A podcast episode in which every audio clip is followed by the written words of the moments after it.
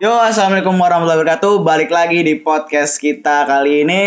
Dan kali ini ada yang berbeda nih. Gua sekarang Aldi eh, sebagai host pada podcast ini nggak ditemanin sama Adip karena Adipnya nggak tahu ke mana nih. Lagi tidur kayaknya. Sekarang gua udah ada teman baru nih. Sama siapa sekarang gua nih? Sama siapa ya? Ya.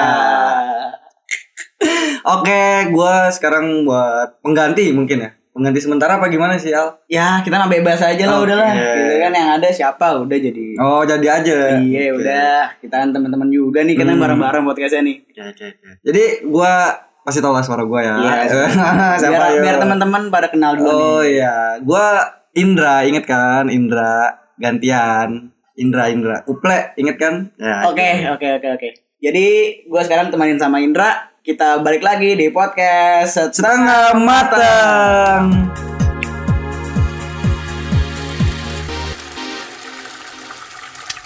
Setengah matang aja emang. Siap.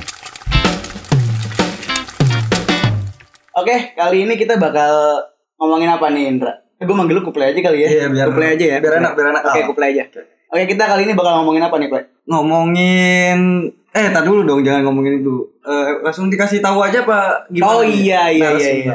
Jadi kita sekarang udah ada nih teman kita. Sebenarnya eh waktu episode awal kan kita udah perkenalan semua kan, gitu Iya. kan. Yang tujuannya di mana kita ngasih tahu nih ke- di podcast ini sebenarnya ada siapa aja gitu. Nah kebetulan waktu episode pertama awal perkenalan itu dia ini nggak datang, nggak nggak bisa datang waktu itu. Oh iya, nggak usah datang. Makanya ya. mungkin kita bisa langsung minta dia perkenalan diri aja nih di Oke. podcast setengah mateng kali ini.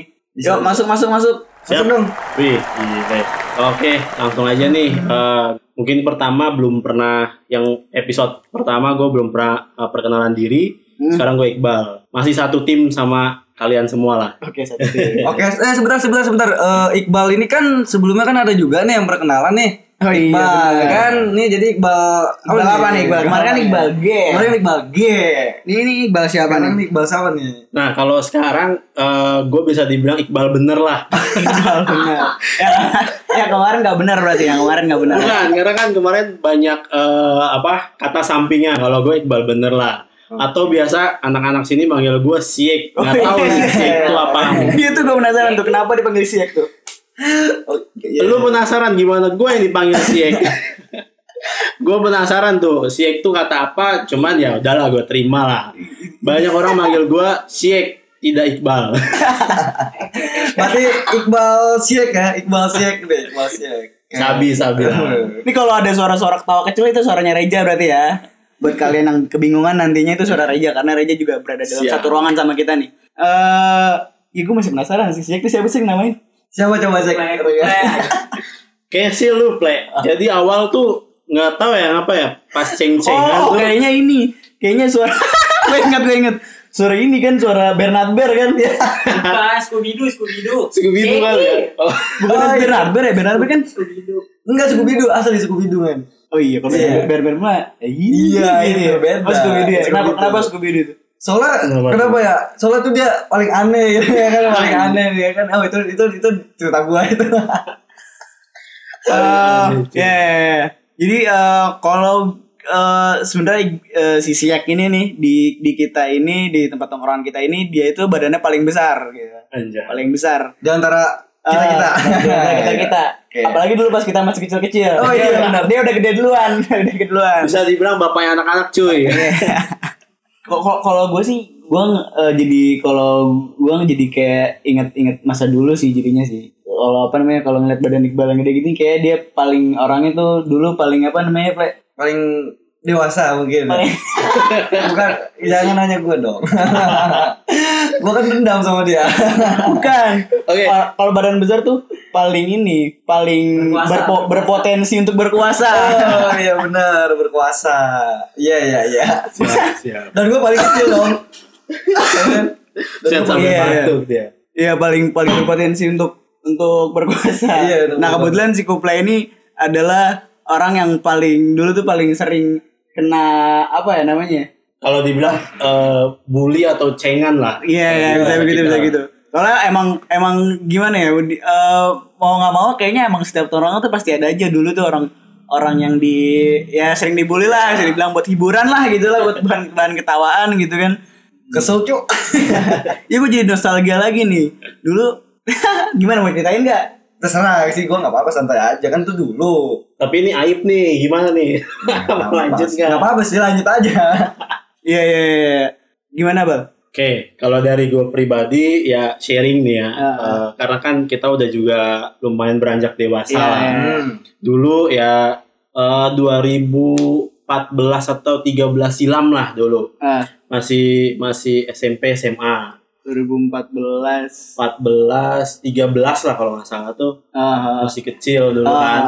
Dulu eh, ya bisa dibilang sih gue orang orangnya memang kasar lah ya. ya gue ngakuin nih di sini nih kalau pada nih. Jadi gue dulu orangnya agak sedikit kasar dan yang seneng, yang paling seneng gue kasar itu ya ini si kuple. Nggak, gue gue pengen tahu deh. Lu kenapa paling seneng gitu? Gue yang dikasarin gitu loh. Ya kan? Karena lu tuh songong Oh. dulu. Dulu eh, dulu Indrani uh, kuple ini badannya kecil, terus juga agak sedikit songong lah gitu. Songong dalam arti eh, ngeyel gitu kan. Oh berarti berarti eh, salah satu alasannya karena si Goplay ini kelihatan songong gitu kali ya. Tengil juga Dia sih. jadi bikin kayak anjing gua gua cepet lo gitu ya. Eh pernah men. gitu sih nah terus yang parahnya sih lagi itu kita lagi eh, main bareng gitu kan terus eh, ngumpul di salah satu rumah temen gitu kan malam nah malam tuh kita jailin dia ingat nggak lu di yang sampai kita bokep ada lu juga aja semuanya di situ ya tim tongkrongan tuh ngumpul di situ malam kita bikin skenario eh, pura-pura tidur habis itu si kuple ini kita bekep Eh di bokap itu kayak gimana tuh? Zak? Di bokap itu kayak gimana tuh? Jadi posisinya si Kuple ini tiduran, gue inget banget si Aldi ini ngebekep badannya, eh palanya, itu sampai dia nggak bisa bergerak sama sekali, kita semua pegangin badannya dan ya kita dodorin celananya. gitu Tapi Gua kalau- dibugilin. Kalau dipikir-pikir lagi dulu masa kecil kayak ini par parah banget sih, parah banget sih. Cuma ya, Jadi bahan ketawa doang. ya cuman kan abis itu kan kita Kayak- seru-seruan lagi. kayak gitu. mau kayak mau nggak mau dulu ngikutin aja gitu kan. Iya. Disuruh bekep orang, bekep orang, disuruh pelorotin orang, pelorotin orang gitu kan. Soalnya dari instruksi dari sisi yang ini ya kan. Iya. Oh, oh kalau kita dulu bilangnya dia panitia panitia hari akhir. Hari kiamat ya. anjir. Hari akhir cuy. Ya sebenarnya buat teman-teman nih sebenarnya bu- bullying kayak gitu sebenarnya nggak nggak apa namanya nggak nggak baik ya. Hmm, Maksudnya betul. karena dampak-dampaknya itu bisa nantinya tuh bisa pas gedenya mungkin dia dia, dia orangnya pendendam Ya. atau jadi apa ya eh, pemurung gitu merasa ya merasa dikucilkan aja gitu itu itu sebenarnya nggak baik sih jangan jangan dicontoh sebenarnya cuman ya ya kita jadikan pembelajaran aja untuk untuk di masa mendatangnya eh terus eh gue sebenarnya ini juga sih bal penasaran sama kehidupan Gimana, lo sekarang nih. Eh sekarang kan lo tuh eh, mungkin lo, lo aja yang cerita sendiri deh lo sekarang eh, kerja di mana gitu.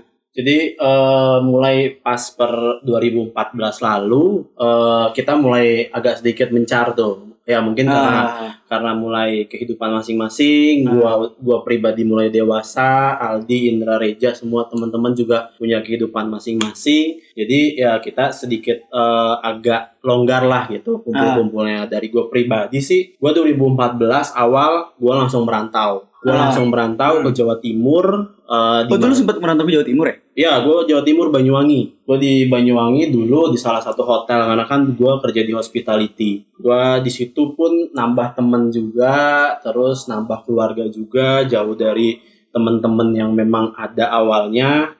gue punya keluarga baru di sana gitu sih. Di hospitality. Hospitality itu tuh tempat Eh, jadi singkat cerita hospitality itu eh, hotel. Jadi Oh, hotel. di- Gue pikir rumah sakit. bukan itu hospital cuy. Kalau ini hospitality. Oh iya. Tambah, gue salah salah. Nah, Tambahan ilmu. Tambahan ilmu. Iya. Gue pikir hospital rumah sakit. Iya. Itu hospitality itu hotel. Oke oke oke. Jadi 2014 gua di sana ya singkat cerita juga memang mau tambah karir, tambah pengalaman gitu ya udahlah gua tinggalin dulu eh, yang teman-teman di sini sih gitu. Hmm. Nah, terus habis itu 2014 gua balik sampai 2016 nah eh, kurang lebih 2 tahun lah 16 gua balik ke Jakarta posisi juga gue jarang kumpul kan sama kalian karena posisinya juga ya kerja gue tau lah inget gue pada saat 2016 tuh gue kerja jadi gue kerja pagi berangkat subuh balik malam jam 10 masih ketemu lu Bray nongkrong Itu itu itu kapan? Itu kapan? Itu kapan? jadi gue mau berangkat nih jam 4 gue ketemu lu masih pada nongkrong habis ajan subuh entah kapannya gue nggak ngerti deh jam 10 malam gue pulang lu masih nongkrong juga buset gue Emang bocah-bocah kalau di rumah jadi nongkrong doang emang udah. gue bilang ya tapi ya mungkin kesibukan mereka masing-masing ya. iya, Sebenarnya sih nggak ada kesibukan. Ya, sih. Eh, itu eh, berarti lu kerja di perhotelan ya? Iya, nah itu berarti itu ada ada sahabat pautan sih sama pendidikan lu? Eh, pendidikan gue memang ada jadi eh, gue jebolan eh, salah satu di bulan sekolah oh, oke di bulan salah satu sekolah di Bogor lah Sekolah Bogor, perhotelan perhot- oh emang berarti lu emang Ya. dulu lu eh, SMK ya? SMK SMK-nya itu di bidang perhotelan Oh, terus di bidang dilanjutin perhotelan. lagi. Wah berarti lu termasuk orang yang ngelanjutin perkuliahan soalnya eh perkuliahan melanjutkan pendidikan di SMA. ya betul Soalnya banyak juga tuh temen gua yang eh, SMK-nya Hmm. di multimedia lah atau di mana gitu. Eh pas sudah kerja beda aliran lagi Betul. gitu. Berarti lu termasuk orang yang emang ngelanjutin pendidikan. Oh atau emang lu udah udah ini udah punya planning gitu sebelum sebelum mungkin pas dulu SMP udah punya planning ah gue pengen jadi hotel lah gue ambil perhotelan gitu. Ada ada planning gitu belum sih sebelumnya? sebenarnya planning gue tuh di eh, kitchen atau di chefnya lah sebenarnya cuman Oh, karena oke. dulu eh, apa keluarga orang tua nggak ngizinin karena Ah. kan kalau di kitchen eh, susah untuk ngembangin dirinya. Mhm. Eh, jadi gue pilih per perhotelannya sih gitu. Dulu sedikit cerita nih Bray. Jadi gue sebenarnya sih nggak pe- eh, maksudnya nggak pengen kerja dulu gitu kan. Cuman gue pengen ke IPB pengen ke perguruan negeri lah Ah. gitu. cuman nggak ada yang menerima gue mungkin karena otak gue di bawah standar kali. Ah, jadi gue mutuskan oke lah gue gawe dulu lah gitu. Ah, ah. ya singkat cerita gue selesai sekolah gue langsung gawe gitu Oh, berarti ya mungkin emang udah jalannya di situ kali ya. betul Berarti nikmatin aja eh, berarti tadi dari Jawa Timur itu perhotelan di Jawa Timur ya. Terus Iya. habis itu lu pindah ke sama gue nerus uh, dulu gue di Jawa Timur bintang 3 Ah, hotelnya terus gue balik ke Jakarta bintang uh, Kejora. bintang 2 cuy Oh, bintang. Lu kok jadi nurun bintangnya? karena posisinya yang ada di situ jadi gue pikir nggak apa-apa lah Oh. Uh, jadi kalau misalkan bintang turun tapi gaji naik kan Oh, Ini gua ngambil iya gajinya, benar benar benar benar benar benar. Iya benar benar benar. Itu pindah emang direkomendasikan sama kantor sebelumnya atau emang lu cari sendiri? ya jadi gue memang uh, direkomendasiin dari Oh. kantor gue yang sebelumnya karena uh, dia tahu gue itu dari Jakarta dan oh. keluarga gue di Jakarta uh, pas ada posisi kosong gue ditawarin lah Nah, itu selama lu kerja di Jakarta itu lu netap di Jakarta atau bolak-balik? Gue PP itu kan yang tadi ketemu lu. Oh iya, pas malam nongkrong. Sampai pagi lu masih di situ. Gue uli biasa. Ber- berarti berarti eh, pulang pergi Bogor Jakarta setiap hari? Tiga tahun cuy. Udah tiga tahun. udah tiga tahun pagi berarti lu bangun jam berapa tuh? Gue sih bangun biasa normal sebelum subuh. Jadi eh, sebelum subuh ya biasalah mandi. Habis subuh gue langsung cabut tapi eh, oh lu gue, gue nanya gini deh. Eh, di perhotelan apa eh, jabatannya? Eh gue lagi itu posisinya sebagai sales eksekutif. Jadi sales. Sales eksekutif. Ya, jadi kan semua produk tuh ada yang menjual. Ah, hotel pun juga ada yang menjual. Ah. gitu. Nah gue di bagian penjualan itu. Oh di bagian penjualannya. Ya kalau kayak gitu eh, berarti lu harus banyak-banyak kenal sama orang bukan Betul. Jadi gua eh, istilahnya secara nggak langsung gua belajar semacam kayak public eh, Public speaking. speaking, Ya, public jadi gimana caranya eh, dengan gaya gua untuk menawarkan orang nih. Hmm. Ya ngibul-ngibul dikit nggak apa-apa lah. Wah. Belajar dari dulu kan pada. Enggak kan ini bener ini nyibul-nyibul gini nih. Pantesan, pantesan, pantesan. Ternyata di, Kebongkar kan. ternyata kerjaannya nggak kerjaannya nggak apa yang ngibulin orang. Pantesan kita kena kibul mulu. Tapi eh gue lurusin ya. Jadi di hotel tuh bukan ngibul dalam arti membohong, membohong yang nggak pasti. Tapi ya lu menawarkan produk yang produknya nggak lu bawa. Gimana sih Oh, caranya? Ya, ya iya. kita harus membaguskan produk kita lah. Tapi pada saat si klien itu datang ke tempat kita atau datang ke hotel kita, ya harus bener ada gitu. Ya, asalkan jangan bilang ke klien OTW nih. Ternyata Nggak ada iya. Itu kan Nggak clue ada, doang. gitu. Atau enggak, ayolah nongkrong pas udah di pub ternyata udah nggak ada ya kan orangnya. Kali gocek atau nggak ngasih pap, pape pap mal. Iya. Aduh, oh, ternyata di situ play asal usul kenapa dia suka ngebohongin kita. Nah, baru tahu ya. Oh, kebongkar. udah kebongkar, udah kebongkar, udah kebongkar. Gara-gara ini kebongkar cuy. Ternyata udah beralih dulu ngebullying sekarang Bohong. Oh tapi eh, ada ada ada kisah menarik nggak yang selama lu bekerja di perhotelan itu yang pengen lu bagi sama kita? Sebenarnya sih banyak kalau dibilang eh, Mungkin mungkin kayak menarik. mungkin kayak lu suka ngelihat orang ngebooking hotel tuh kan ada tuh yang open open BO di hotel tuh ada nggak tuh dia tuh lu kayak kira ada nggak tuh open BO gitu? Oh sebenarnya ini dapur hotel cuy. Sorry ini sebenarnya dapur Eh, nih. jangan ya jangan ya. jangan ya. ya kalau ya kita tahu semua lah maksudnya maksudnya hotel itu tempat apa kita tahu kan tempat Ya, nginap tempat tempat ya. beristirahat tempat beristirahat cuman kan kalau istirahat kan ada hiburannya juga Iya. gitu kan ya. Ya. Ya, jadi kalau kayak gitu-gitu sih banyak cuman kan karena niat gue mencari eh, Money. pundi-pundi yang halal Oh iya benar. jadi gue kesampingin lah itulah cuman eh, plus minusnya kerja di hotel ya kayak gitu jadi gue lebih sering interaksi sama tamu sama Hmm, klien hmm, hmm, yang di mana klien itu memang lebih tua dari gue hmm. Tuh. Oh itu rada susah berarti kayak kayak Ya. ngadepin orang tua sendiri gitu ya. Tuh, jadi gimana sih lu kayak eh, ngejelasin ke orang tua gitu kan? Hmm. Ya orang tua dengan mindset yang seperti apa, dengan kita mindset anak muda, kita harus eh, bener-bener kayak ngebawa sampai si orang tuh paham apa yang kita jelasin. Hmm, hmm, hmm. Public speaking itu tadi sih eh, public Ya. speaking kalian public speaking sedikit ditambah kalian berbohong. Bisa bisa bisa. Tapi emang emang emang eh, kalau gue lihat pu- public speaking tuh emang kayak gitu lu harus bisa Ya. lu harus bisa apa namanya mempercayai omongan lu ini eh bukan mempercayai lu harus bisa meyakinkan, Meyakinkan. orang atas omongan apa yang atas omongan yang lu berikan kepada mereka gitu sih Ya betul. Jadi ya, gue sebenarnya nggak belajar public speaking. Jadi gue belajarnya otodidak. oh lah. tidak berarti ya Oh berarti langsung. Langsung. Tapi gua- di praktek gitu. Praktek. Oh, Oke. kan gue dapet prakteknya sama kita kan prakteknya sama kita kan Nah gue terapin tuh di kerjaan gue. iya iya iya iya Tapi gue penasaran deh. Gue penasaran nih Bang Al. Eh, si Syek ini kan kemarin kan apa lulus lu lulus sekolah kan nggak? Iya, lulus lulus sekolah sekolah. lu langsung kagak lulus Enggak maksudnya lulus sekolah itu lu langsung kerja itu ke yang Jawa Timur itu. Iya, gue langsung ke Jawa Timur. Nah, nih jadi gini nih, gue pengen nanya nih, lu tuh gimana sih selama masa-masa sekolah kan 12 tahun ya? Mm-mm. Dari SD, ya kan dari SD sampai SMK itu Ya. lu kan 12 tahun. Nah, ini lu tiba-tiba lulus sekolah, Mhm. terus lu langsung jauh gitu. Terus perasaan lu pertama kali tuh apalagi ninggalin keluarga kan? Tuh pasti berat banget itu. Coba Betul. tuh mungkin teman-teman juga pengen tahu gitu Ah, pengalaman iya, lu gitu. Jadi ya jujur sih sebenarnya berat terutama orang orang tua cewek karena orang tua gua kan masih komplit alhamdulillah. Alhamdulillah. Ya sedikit cerita aja dulu juga gua eh, keluarga gua pernah kehilangan abang gua kan. Jadi Hmm. jadi 2011 silam gua Gitu. eh, gua kehilangan abang gua posisinya mendadak. Ya oke lah itu singkat cerita seperti itu. Nah pada saat 2014 gua lulus sekolah dan gua harus dinyatakan eh, kerja yang jauh di Jawa Timur sempet nyokap gua nggak ngizinin. Nah nyokap gua nggak ngizinin. Cuman Ya, pasti berat sih orang Ya. tua.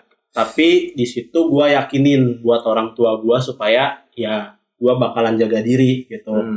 intinya sih eh, meyakini orang tua kalian aja jadi kalau misalkan eh, orang tua itu udah yakin udah mantep dan lu bisa nunjukin ke mereka kalau lu bener-bener dengan niat yang baik itu sih insya Allah gua rasa orang tua juga bakalan ngizinin toh juga eh, balik lagi ke ini apa sih eh, ke karir nanti kan Ah, jatuhnya ke karir ya Iya, ah. orang tua juga nggak bisa maksa sih gua rasa seperti Ya, itu ya sebenarnya mungkin ban- banyakin banyak dialami sama teman-teman juga kali ya. Ah, maksudnya Iya, kayak betul. di mana lu bimbang saat lu udah mulai lulus sekolah gitu kan lu harus mulai karir lu gitu lu, lu harus mulai mencari duit tapi kadang banyak tawaran-tawaran datang tapi terkadang lu bingungnya itu di mana ya kayak tadi misalkan dapet contohnya tuh tawaran kerja di luar kota gitu Iya, kan yang jauh betul. dari orang tua mungkin lu bimbangin di situ mau diambil apa enggak cuman kalau diambil dari pelajaran si Iqbal ya mungkin kalau waktu itu Iqbal eh siek akhirnya tidak tidak berani untuk ambil resiko itu mungkin dia sampai sekarang pun masih bingung gitu kan kerja di Ya. mana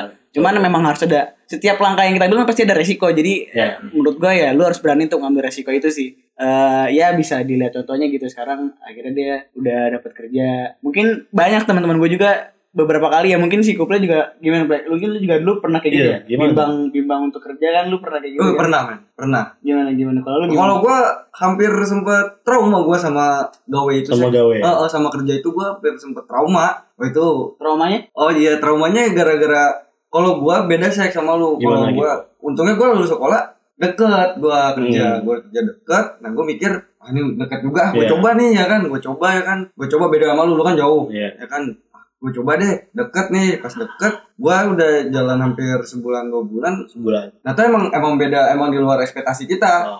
Gawe itu kerja itu dunia kerja kan beda sama dunia sekolah. Kan gua baru Betul, tahu banget iya, tuh. banget. Ya kan pas gua gua mikirnya kerja, wah gua kerja akhir bulan dapat uang, gua Iya. kerja akhir bulan dapat uang. Awalnya gua mikir kayak gitu. Tapi pas di tengah-tengah gua kerja itu ya adalah sebuah masalah ya kan Iya. apalagi kita kan Sekarang kalau di dunia kerja tuh eh kita mempertahankan posisi. Jadi nggak kayak sekolah ya udah sekolah Hmm, datar gitu kan. Hmm. Kalau sekarang kita kerja ya lu memang mau di posisi itu aja, nggak naik-naik. Hmm, Nggak hmm. dong gitu kan. Jadi posisi yang dituju nih nggak cuma lu doang yang mau, tapi ada orang lama, ada orang dalam, Ya, terus ya. ada ya macam-macam orang yang pengen ke posisi itu. Jadi siapa yang kuat dia yang Ya bertahan. bener sih maksudnya kayak di dunia kerja emang keras banget sih maksudnya kayak pasti ada aja gitu di dunia kerja lu tuh yang yang mengancam posisi lu Ya, gitu kan betul. Ada yang nggak suka sama lu gitu menjelek-jelekan lu tuh pasti ada aja. Kalau gue sendiri gue kekhawatirannya tuh kadang-kadang kalau ada karyawan baru di kantor gue kadang gue merasa kayak senang gitu ada teman baru. Cuman kadang juga kayak Ancaman. ancaman. cuman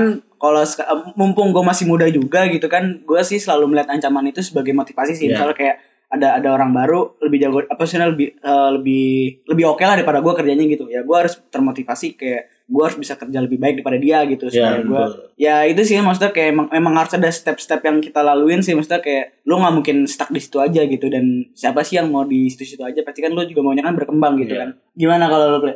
ya kalau gua trauma gua trauma. Lu traumanya apa sih tadi belum belum nangkep tuh trauma traumanya Eh, di gua, mana sih? gua jadi eh, pernah kan gua kan jadi kan maintenance ya di itu Salah satu Ya, bank. eh, eh, salah satu bank itu. Gua anak baru, gua baru lulus sekolah Mm-mm. dan itu emang pas banget momennya itu gua disuruh ngerakit, Laki. ngerakit mesin bukan Oh, dong. sakit mesin. Ya, Bahaya ngerakit, dong ngerakit mesin, Hmm. Mesin apa tuh? mesin penyedot debu. Itu dari Oh, besi, oke. ya kan dari Hmm. besi. Di- Itu mesin datang tiga. Tiga, Sedangkan maintenance itu di di tempat gua kerja yang kemarin Hmm. ini ada empat. empat. Nah, yang satu senior, jadi Hmm. udah nggak usah lah ya kan. Jadi ini yang Siap. tiga ini Dapat satu-satu dapat tuh. satu satu dapat Hmm. satu satu nah itu di di apa dikasih waktu ya kan dikasih Hmm. waktu ini mesin harus jadi besok itu mesin datang itu siang Mm-mm. ya kan Gua gak nyangka bisa ngeliat mesin kok. Hmm? Gak nyangka lu bisa. Makanya denger itu, gue gua juga gak nyangka gue juga gak nyangka soalnya kenapa yang pas di sekolah gue juga gue belajar kayak gitu Ya, Nah, tapi kagak. kayak gitu Nah, dulu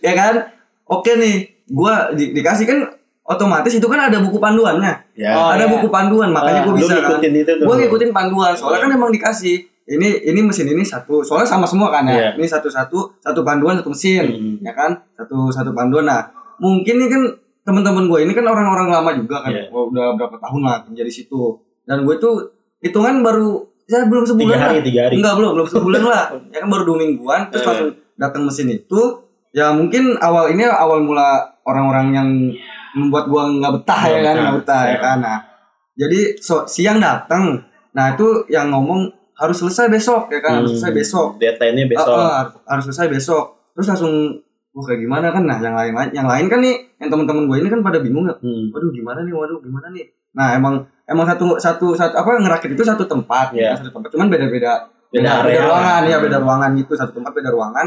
Nah yang anehnya itu gua selesai paling duluan jadi Oke. paling duluan saya Lu selesai tapi mesin tuh bisa dioperasionalkan. udah bisa langsung nah Oke. sedangkan nah itu sedangkan yang lama-lama nih senior senior Hmm. ini itu mereka setengah pun belum jadi belum jadi sek nah dilihat lah ya kan dilihat Hmm. pas dilihat itu nah ini supervisor gua ya kan ya Hmm. atasan gua langsung ng- ngeliat ini yang mesin berapa gua otomatis kan gua mesin tiga kan ya gua Hmm. mesin tiga ini mesin tiga siapa emang tadi siapa yang megang kan Kayak gitu Hmm. yang megang oh ini si Indra yang megang Indra kan terus pas di pas besok besoknya udah nah yang, yang mesin dua ini nggak jadi yang mesin dua ini Nggak jadi. dilanjutin nggak dilanjut ngelanjut Oke. jadi satu pakai mesin gua. Hmm. Nah, mulai dari situ gua nggak ditemenin.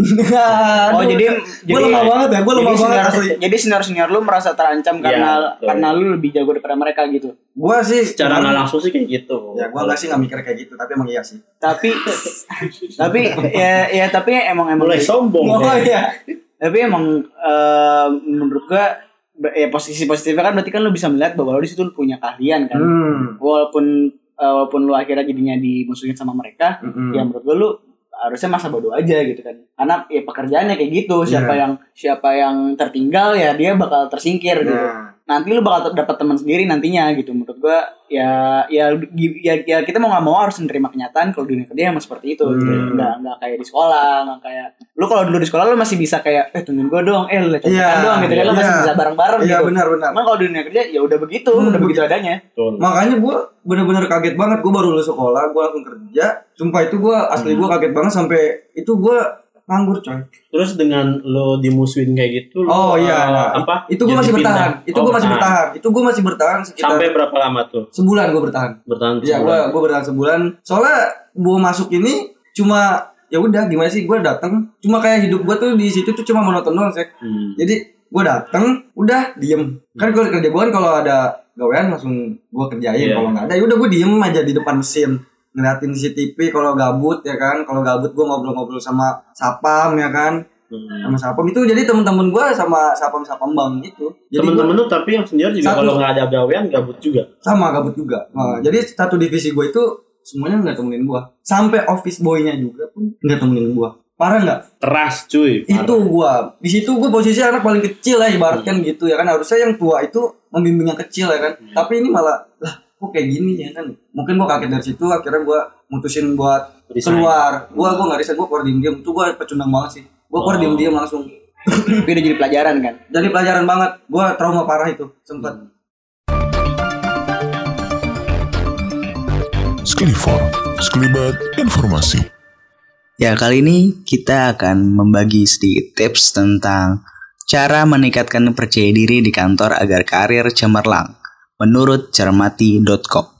Ada beberapa masalah yang dapat meruntuhkan kepercayaan diri seseorang di kantor, yaitu adanya pendapat orang yang terlalu banyak tentang Anda, kurangnya dukungan, tidak jelasnya arah, dan umpan balik yang bertentangan. Untuk itu, ada beberapa tips yang bisa Anda coba untuk meningkatkan kepercayaan diri di kantor sebagai berikut. Yang pertama, tonjolkan kelebihan. Ketika Anda merasa memiliki kelebihan yang pantas untuk diperlihatkan, maka tonjolkanlah. Fokus pada kekuatan, keterampilan, serta bakat yang Anda miliki. Hindari memikirkan segala kelemahan dalam diri karena hal itu hanya akan membuat Anda kehilangan percaya diri dan menghambat karir Anda. Yang kedua, susun daftar kesuksesan yang pernah diraih. Rasa minder sangat wajar muncul ketika Anda belum berhasil dalam menyelesaikan pekerjaan dengan baik. Bahkan, Anda bisa saja melupakan kesuksesan kecil yang sudah diraih hanya karena adanya kegagalan di tengah jalan. Padahal itu bukanlah akhir dari segalanya, karena masih banyak jalan bagi Anda untuk meraih keberhasilan. Yang ketiga, tantang diri Anda sendiri. Cobalah menantang diri Anda dengan melakukan pekerjaan yang dapat memberi kesempatan bagi Anda untuk mengarahkan segala kemampuan yang Anda miliki. Ketika berhasil, secara tidak langsung bisa membangkitkan kepercayaan diri seketika. Yang keempat, jangan remehkan penampilan ketika bicara soal percaya diri. Tentu penampilan diri menjadi faktor penting untuk disorot. Penampilan yang baik dan meningkatkan kepercayaan diri seorang. Bagi rekan kerja atau orang lain yang melihat pasti akan terkesan dengan penampilan Anda. Yang kelima, percaya diri bukanlah kesombongan. Jangan mencoba samakan antara kepercayaan diri dengan kesombongan karena sikap arogan adalah sikap yang selalu membanggakan dirinya sendiri. Merasa dirinya lebih tinggi dari orang lain bahkan suka meremehkan orang lain. Sikap ini perlu dihindari ya. Sementara percaya diri adalah sikap positif untuk melakukan segala sesuatu dan menunjukkan segala dengan rasa hormat dan kerendahan hati sehingga penilaian orang lain baik terhadap Anda. Oke, mungkin itu saja tips dari kami tentang tips meningkatkan percaya diri di kantor agar karir cemerlang. Sklifor, sekelibat informasi. Oh, udah nggak kerasa juga udah pengen setengah jam ternyata. Udah setengah jam Setengah jam, gile. Udah pengen setengah jam ternyata. Eh mungkin daripada kelamaan gitu kan mungkin eh kalau dari tadi kita ngobrol eh, yang gua yang gua tangkap sih ada beberapa pelajaran nih di episode kita kali ini. Pertama yang masalah bullying tadi. masa bullying tadi eh ya bullying tuh bagaimanapun bentuknya tuh itu tidak baik gitu kan. Jangan dicontoh.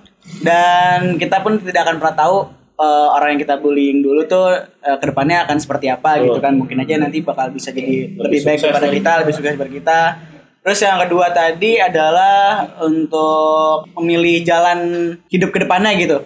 Eh hidup itu pasti ada pilihan eh ambil resikonya itu karena bagaimanapun eh, hidup depan itu pasti ada resikonya jadi jangan takut untuk ambil resiko karena kita juga nggak akan tahu ke depannya seperti apa terus jadikan pembelajaran yang pernah kita alamin dulunya supaya ke depan lebih baik Eh, mungkin segitu aja dari kita sekarang ya Ya, segitu dulu deh. Oke deh, eh, terima kasih untuk teman-teman yang udah dengerin di podcast kita kali ini. Eh, gua Aldi. Gua Kuple Dan gue Iqbal. Eh, sampai bertemu lagi di episode selanjutnya. di Setengah matang. Bye bye.